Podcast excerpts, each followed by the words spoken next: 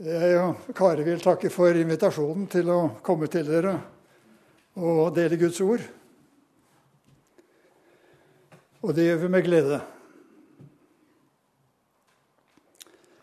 Dette ord vi skal tale over, det står jo i 1. Peters brev, i kapittel 4. Og i dette kapittelet så taler Peter litt om eh, hvordan det var med tilhørerne før de ble frelst, og hvordan det er med de etter at de er blitt frelst. Og så har han noen, år, noen ord å si om forsamlingen. Og da leser vi fra vers 10 i 1. Peter 4 i Jesu navn. Ettersom enhver har fått en nådegave, så tjen hverandre med den som gode husholdere over Guds mangehånde nåde. Om noen taler, han tale som Guds ord. Om noen tjener i menigheten, han tjene som av den kraft Gud gir. For at Gud må æres i alle ting ved Jesus Kristus. Han som æren og makten tilhører, i all evighet. Amen. Om noen taler, han taler som Guds ord. Det er i grunnen underlig at Peter sier dette. For vi vet jo at eh, kilden til all kunnskap om vår Herre Jesus Kristus og all kunnskap om det som hører Guds rike til, det har én kilde. Og bare én kilde, og det er Skriften. Skriften forteller oss om det som ikke øyet så, det ikke øret hørte, og det som ikke oppkom i noe menneskes hjerte. Det er altså bare én kilde til kunnskap om vår Herre og Hans rike, og det er Skriften. Det fins ingen annen kilde som forteller oss det. Men allikevel så finner Peter det nødvendig å minne om det. Og det var nødvendig den gang. Og det er like nødvendig i dag. Peter sier nemlig i neste kapittel, i det andre brevet hans, i andre kapittel, så forklarer han i grunnen hvorfor det er så nødvendig. Og Der leser vi fra vers 1. Men det oppsto også falske profeter blant folket, liksom det òg blant dere skal komme falske lærere, som skal lure inn vrange lærdommer som leder til fortapelse. Idet de endog nekter den Herre som kjøpte dem, og fører over seg selv en brå fortapelse. Og mange skal følge dem i deres skamløshet, og for dette skyld blir sannhetens vei spottet. Og av havesyke skal de med oppdiktede ord utnytte eder til sin vinning. Men dommen over dem er fra gammel tid ikke ørkesløs, og deres fortapelse sover ikke. Så det er et dypt alvor bak de ord som Peter sier, når han sier om noen tale, han taler Guds ord.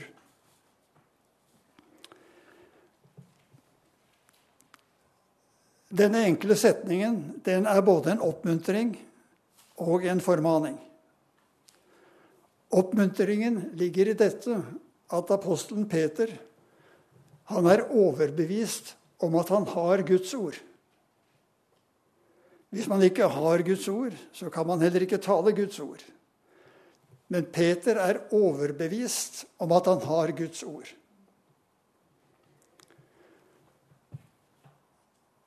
Han hadde de gammeltestamentlige skriftene. De kunne han. Han hadde hørt Jesus forkynne, som stadig henviste til de profetiske skrifter, og sa at Skriften kan ikke gjøres ugyldig. Skriftene vitner om meg. Så hadde han hørt Jesu egen undervisning. Og Peter visste at Jesus Kristus var Messias. Guds levende sønn. Så Peter var overbevist om at han hadde lært ord fra Gud. Og er det en som understreker ordets absolutte autoritet, så er det Peter. Han sier jo i det første brevet, kapittel 1 Der forteller han jo om at han hadde vært øyenvitner til Jesu Kristi storhet på Forklarelsens berg, da han hørte Gud sa, 'Dette er min sønn, den elskede, i ham har jeg velbehag'. Men så sier han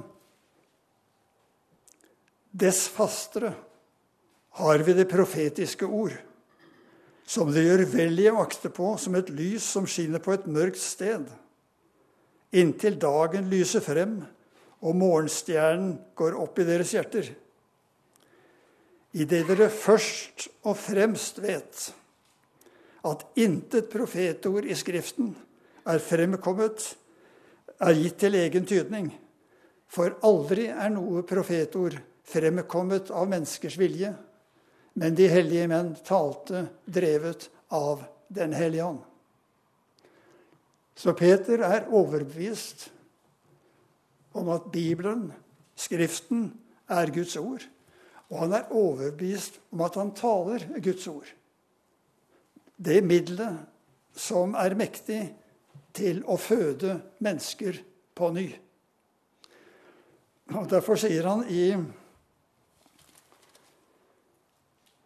det første brevet, i det første kapittel, i vers 23, dere som er gjenfødt, ikke av forgjengelig sæd, men uforgjengelig sæd, ved Guds ord som lever og blir. Og Peter hadde erfaring med dette. Hvis vi leser Apostles gjerninger kapittel 10 og 11, så fortelles det om Kornelius, en romersk høvedsmann i Cesarea. Han fikk besøk av en engel som sa, 'Du skal kalle til deg Peter fra Joppe.' 'Han skal tale ord til deg, ved hvilke du skal bli frelst.' Og da Peter kom dit, så talte han de ordene om at ved troen på Jesus så får du syndenes tilgivelse. Og da falt ånden over forsamlingen, og de talte profetisk. De ble frelst. Peter taler veldig sterkt og høyt om Guds ord.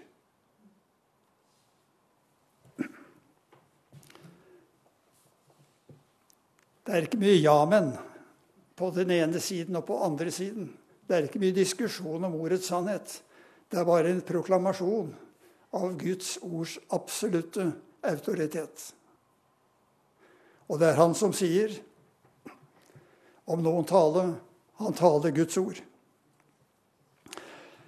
Men det er også en, og vi skal glede oss over det, at vi har Guds ord.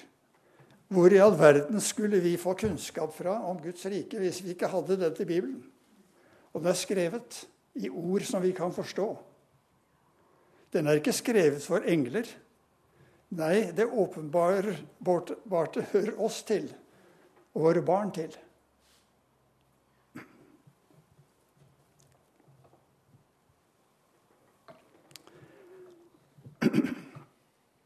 Men det er også en formaning.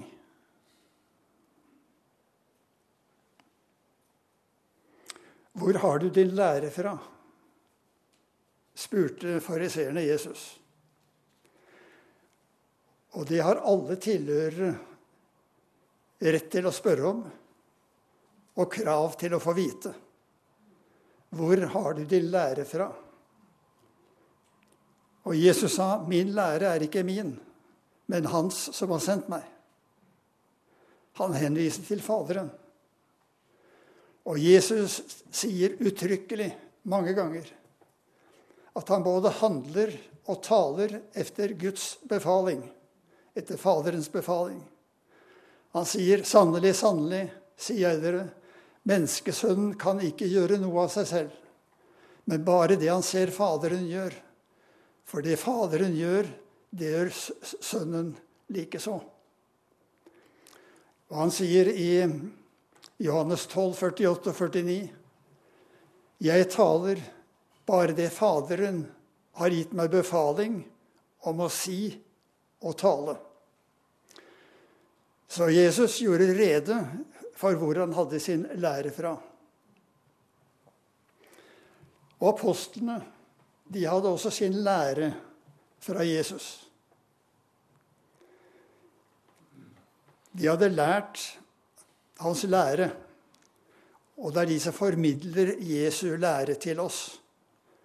Apostlene har ikke sin egen lære.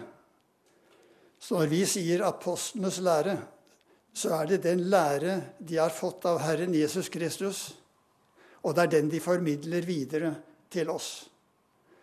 Det er derfor ingen uoverensstemmelser mellom det Jesus sier, og det apostlene sier. Og Det er mange som forsøker det i dag, å skape et misforhold mellom Jesu Kristi ord og det apostlene sier. Men apostlene formidler til oss det som er Jesu lære. Jesu lære, vil si Guds lære. Det burde stå over alle prekestoler. Om noen tale, han tale Guds ord. Det ville være en sterk påminnelse for tilhørerne når de så det. Ja, er det Guds ord som forkynnes her? For Bibelen sier av profeter tale to eller tre, og de andre prøve det. Det er en viktig funksjon som er gitt til Guds folk. Prøveansvaret. Det vil også være en god påminnelse for forkynneren. Av det siste han ser før han går opp på prekestolen, det er om noen tale han taler Guds ord.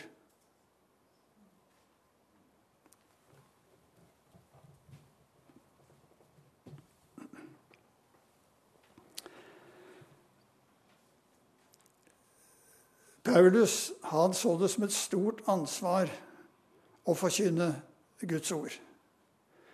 Det var ikke noe han gjorde lett. Og han eh, var nøye med å presisere hva som var hans egen mening, og hva som han hadde fått fra Herren. Han sier i 2. Korinter 4,2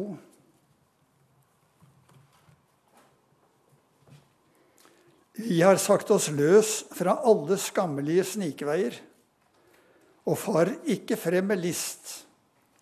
Heller ikke forfalsker vi Guds ord, men ved å kunngjøre sannheten anbefaler vi oss til alle menneskers samvittighet for Guds åsyn. Paulus vet at han taler for Guds åsyn. Gud lytter når man taler i hans navn. Og han sier også i 1. Tessalonikerbrev 2,3.: For vår forkynnelse kommer ikke av villfarelse eller av urenhet eller med svik. Men liksom vi av Gud er aktet verdig til at evangeliet ble oss betrodd, således taler vi ikke som de som vil tekkes mennesker, men Gud som prøver våre hjerter. For verken kom vi noensinne med smigrende ord, som dere vet, heller ikke med skalkeskjul for havesyke. Gud er vårt vitne. Og heller ikke søket vi ære av mennesker, verken av dere eller av andre.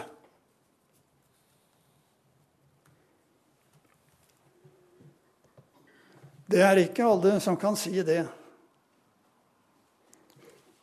Men det er vi forpliktet til når vi taler i Herrens navn.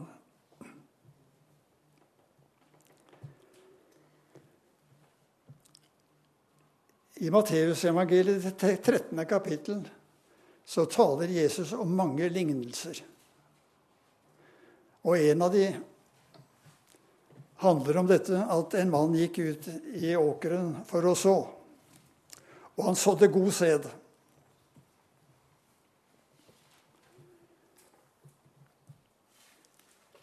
Himmelens like er å ligne med en mann som hadde sådd god sæd i sin aker.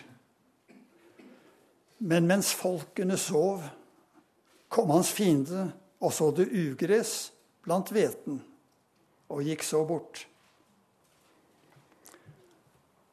Og så Noen vers senere så kommer tydningen, og den er jo veldig enkel.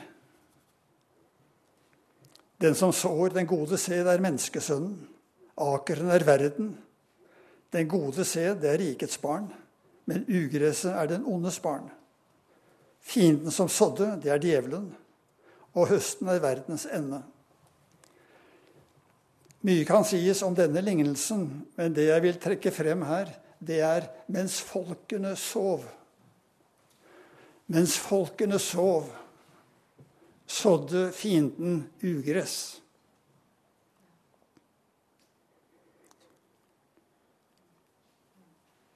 Hvor er det, hvor er det djevelen sår? Han sår fra dette kateteret. Han sår fra talerstolene. Det er der han sår ugresset. Hans talerør er falske apostler, falske profeter, falske prester, falske pastorer. Djevelen bruker alltid Guds ord. Men han forvrenger ordet. Og hvorfor kalles det ugress? Jo, ugress eh, vokser raskere enn noe annet. Det trenger ingen stell. Og med ugress så menes forkynnelse som tekkes kjødet. Det er ord som taler til menneskenes lyster og begjær. Er det noe mennesker elsker å høre, så er det frihet til å synde. Friheter til å gi efter for fristelsen. Det er ikke så farlig. Det er ikke synd. Det er mange andre som gjør det. Gud er ikke så hår. Han tolererer ditt, og han tolererer datt. Nei, Ugresset vokser opp, og til slutt så er det så mye ugress at man kan ikke se den edle frukten. Og det som preger mange menigheter i dag, det er en total forvirring. Man kan ikke tale om hva som er sant og usant, hva som er synd, og hva som ikke er synd. Du kan nevne hvilke som helst ting. Så er det ikke et amen, men det er diskusjon. Hva sier Bibelen om kvinnelige prester? Hva sier Bibelen om abort med å ta liv? Hva sier Bibelen om homofil praksis? Hva sier Bibelen om ekteskap, skilsmisse og gjengifte mens ektefellen lever? Hva sier Bibelen om ekteskap? Er det mellom to av samme kjønn, eller er det mellom mann og kvinne? Bibelen er på disse områder krystallklar. Kan ikke være klarere. Men det er sånn som i ugress at det blir uklart. Og Hvis du kommer med Guds ord om disse tingene, så blir det diskusjon. Det er ingen som bøyer seg for ordet. Nei. Hvor ligger ansvaret? Vi er vant til å skylde på prestene og profetene. Og de bærer en god del av skylden. Men mens folkene sov Tilhørerne sover. Jeg kjenner mennesker som har sittet i kirkebenkene 20, 30, 40, 50 år. De ser hva som foregår. De hører ordene, men de sover. De godtar ting. Det er ingen reaksjon. Det blir nok vekkelse en gang. Nei, det blir ikke det. Det blir forførelse og fortapelse. Det er det det blir. Det er bare det levende, kraftige, hele ordet som føder på ny.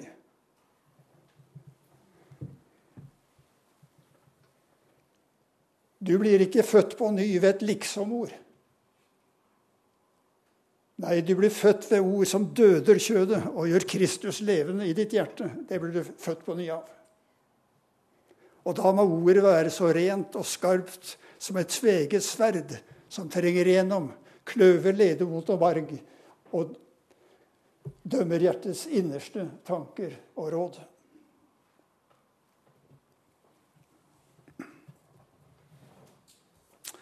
Mens folkene sov.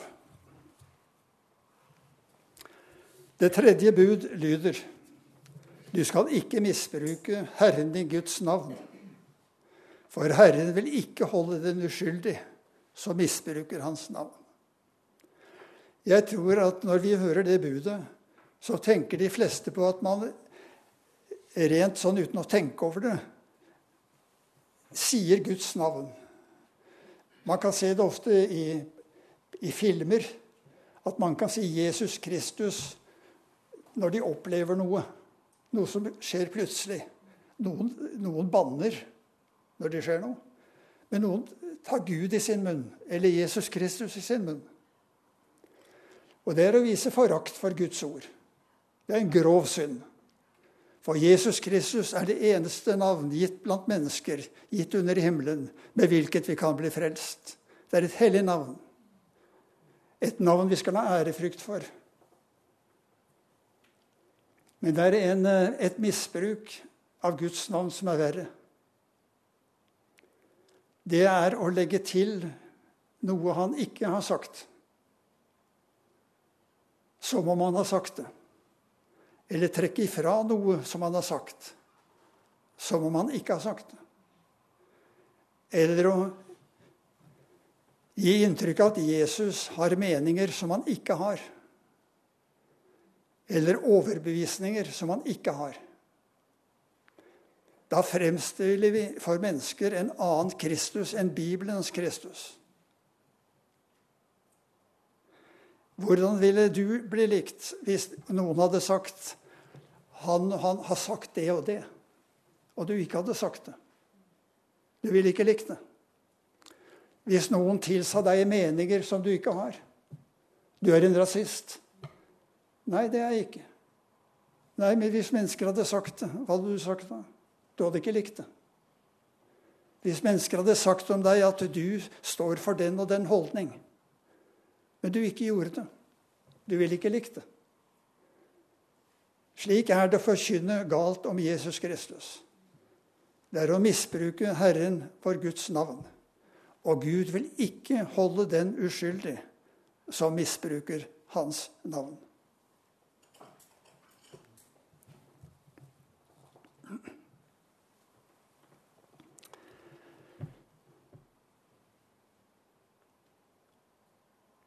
Det er alvorlig, et alvorlig ord.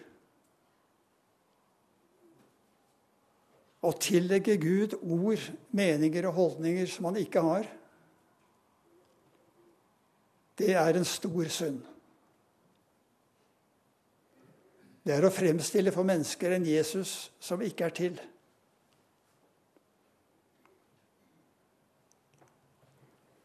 Å tillegge Jesus meninger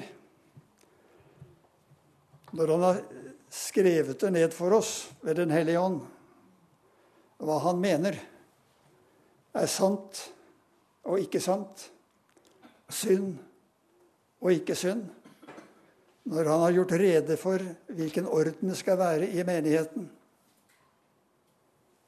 så bør vi holde oss til det og være veldig forsiktige med å si at man kan se på dette på forskjellige måter. Nei, man kan ikke det.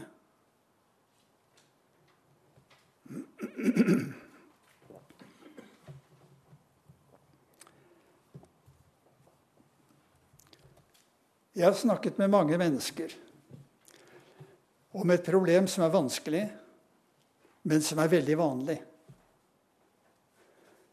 Skilsmisse og nytt ekteskap mens ektefellen lever.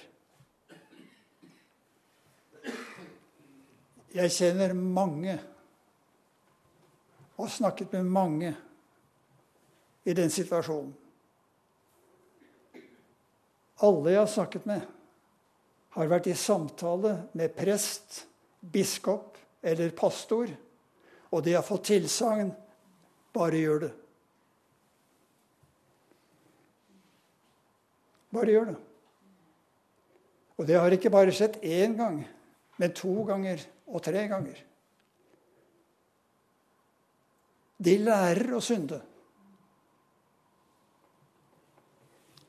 Den norske kirke i dag, men mange andre kirkesamfunn også, de lærer folk å synde.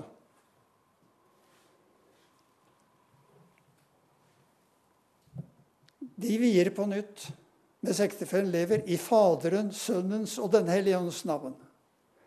De innsetter homofilt praktiserende prester i Faderens, Sønnens og Den hellige ånds navn.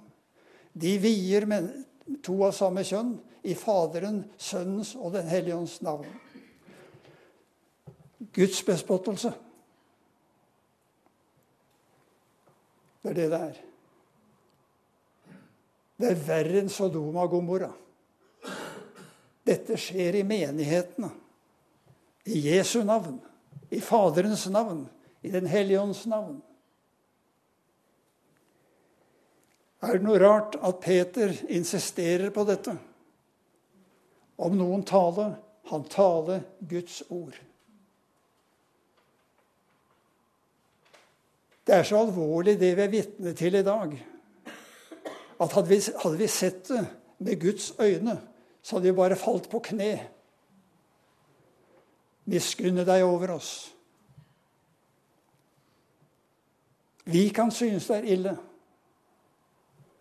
men i himmelen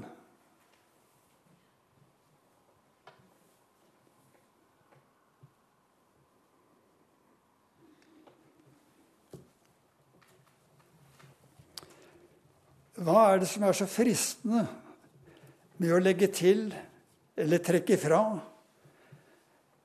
Eller endre på ordet slik at det mister sin brodd?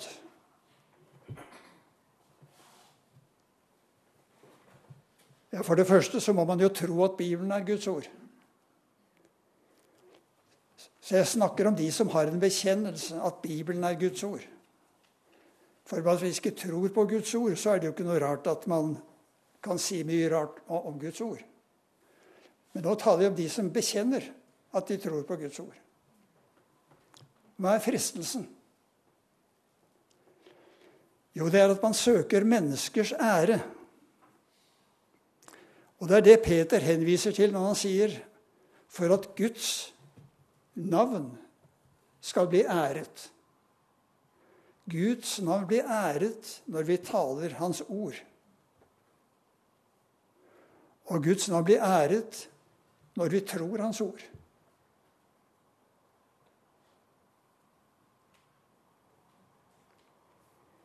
Og Det å søke menneskers ære det er en veldig sterk kraft, for alle mennesker ønsker å være avholdt, vel ansett, få god omtale osv. Og, det vet jo mange prester i dag, at hvis du, ikke, hvis du taler Guds ord, så får du ikke den stillingen. Du får ikke forfremmelse. Du blir ikke ansatt selv om du har de beste kvalifikasjoner. Det er ikke sånn. Nei, du mister anseelse. Du mister ditt gode navn og rykte. For det koster å forkynne Guds ord. Det koster. Den som vil leve rettferdig, skal bli forkynt, forfulgt. Ikke kan, skal.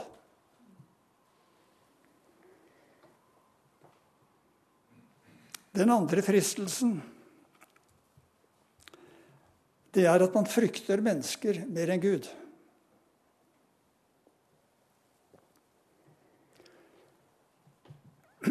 Fienden kan skape en veldig frykt for å tale sannheten fordi han truer.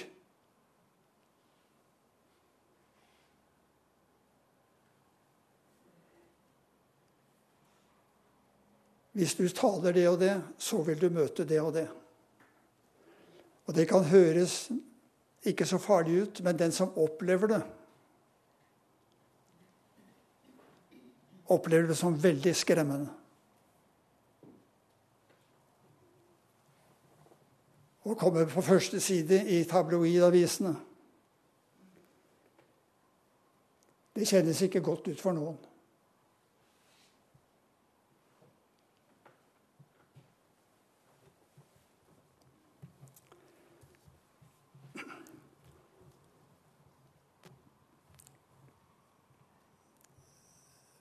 Når man taler om disse ting, så blir man minnet om kong Saul, som var salvet til konge over Israel. Og Vi kan lese i 1. Samuels bok, kapittel 13, 14 og 15. Så ser vi hva det var som førte at Saul mistet sitt kongedømme. Han skulle få Guds ord gjennom profeten Samuel. Samuel skulle formidle Guds ord til kong Saul.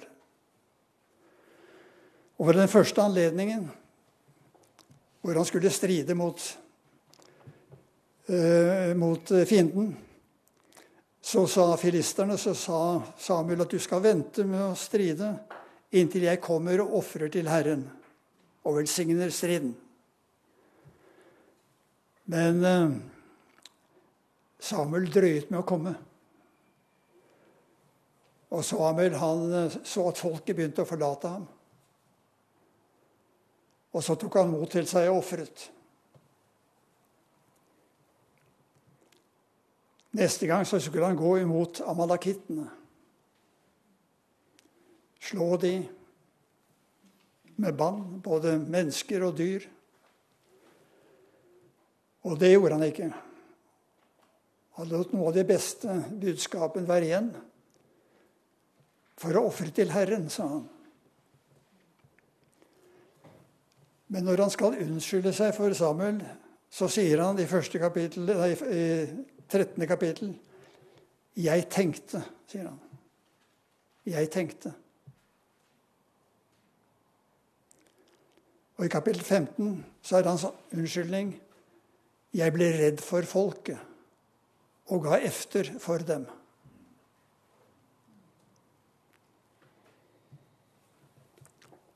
Det er ikke fornuften som skal overvinne troen, men det er troen som skal overvinne fornuften. Man gjør ikke de rette ting ved å tenke, men man gjør de rette ting ved å lyde Gud. Og man skal ikke frykte mennesker mer enn Gud.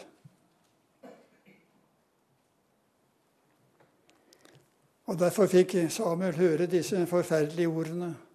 Fordi du har forkastet Herrens ord, forkaster Herren deg, og du skal ikke være konge over Israel. Hva tror du Herren vil si om tilstanden i dag?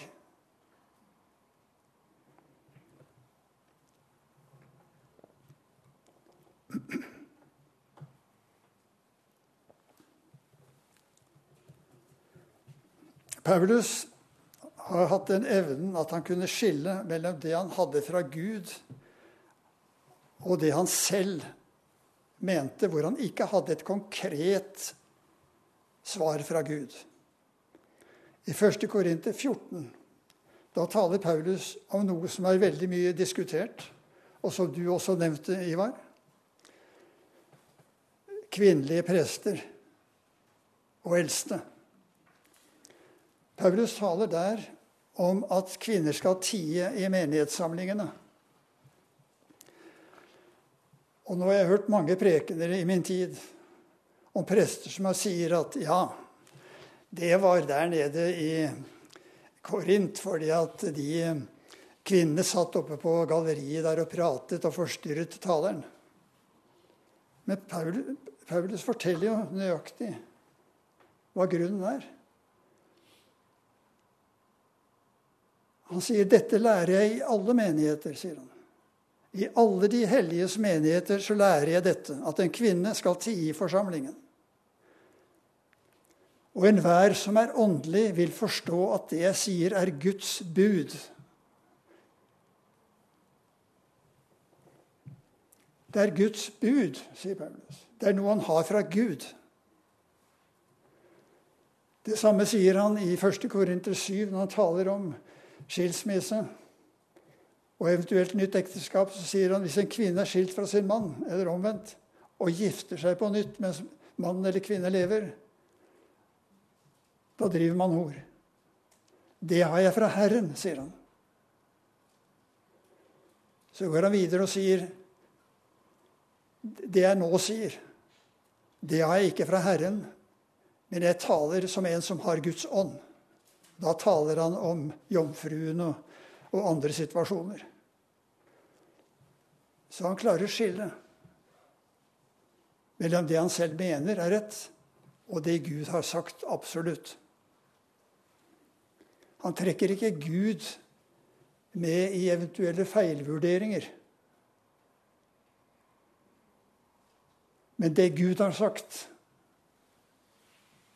det presiserer han veldig nøye. Dette har jeg fra Gud.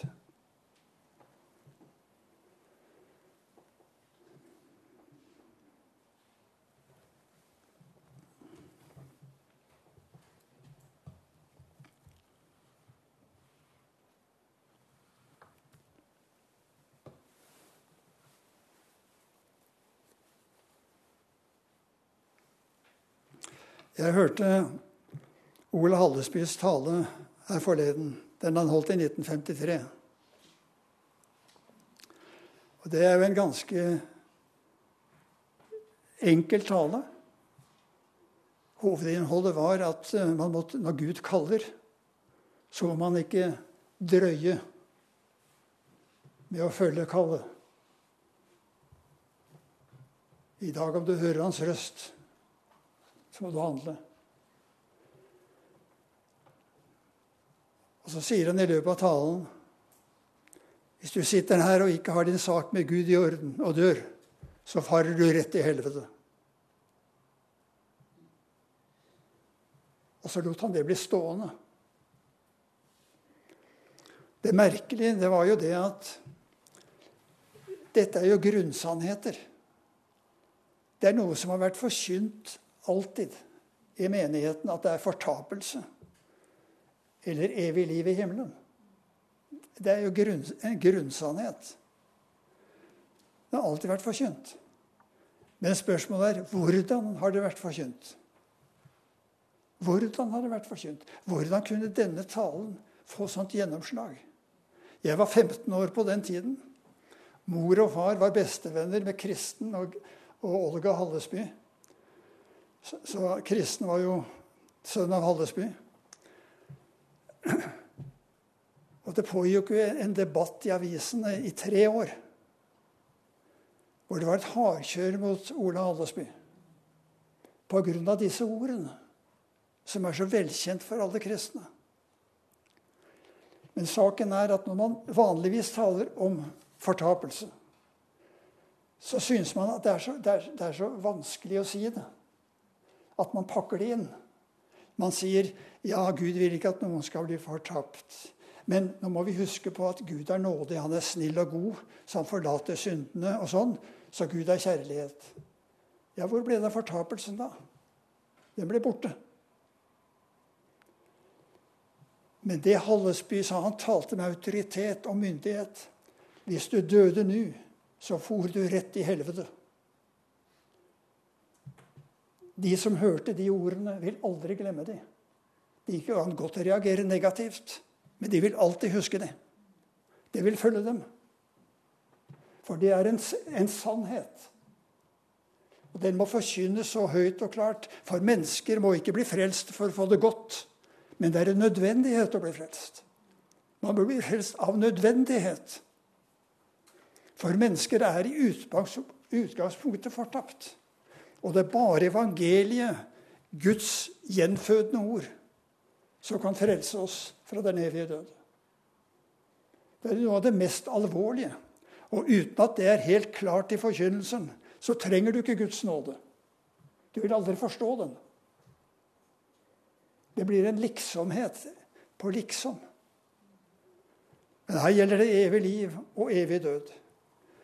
Og da ser man hva ett enkelt setning kan bety når den tales med autoritet.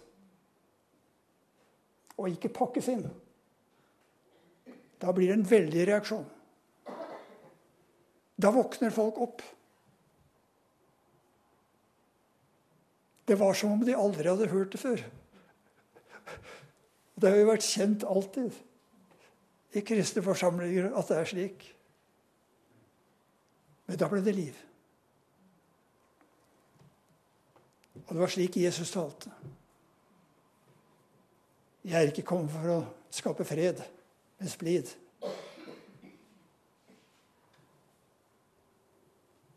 Hans ord skjærer igjennom. Stiller menneskene på valg.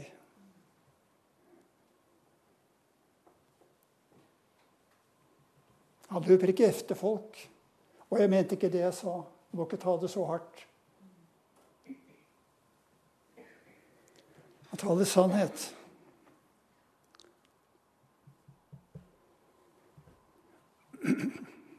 Og Jesus talte med myndighet, står det, ikke som fariseerne, men han talte med myndighet. Og det må vi be Gud om, at vi må vitne om Jesus Kristus med myndighet og frimodighet.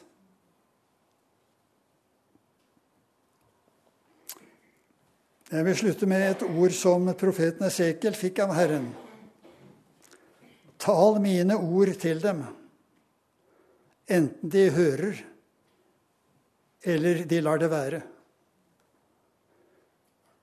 Vår oppgave er å forkynne Guds ord. Å overbevise. Det er Den hellige ånd som gjør. Amen.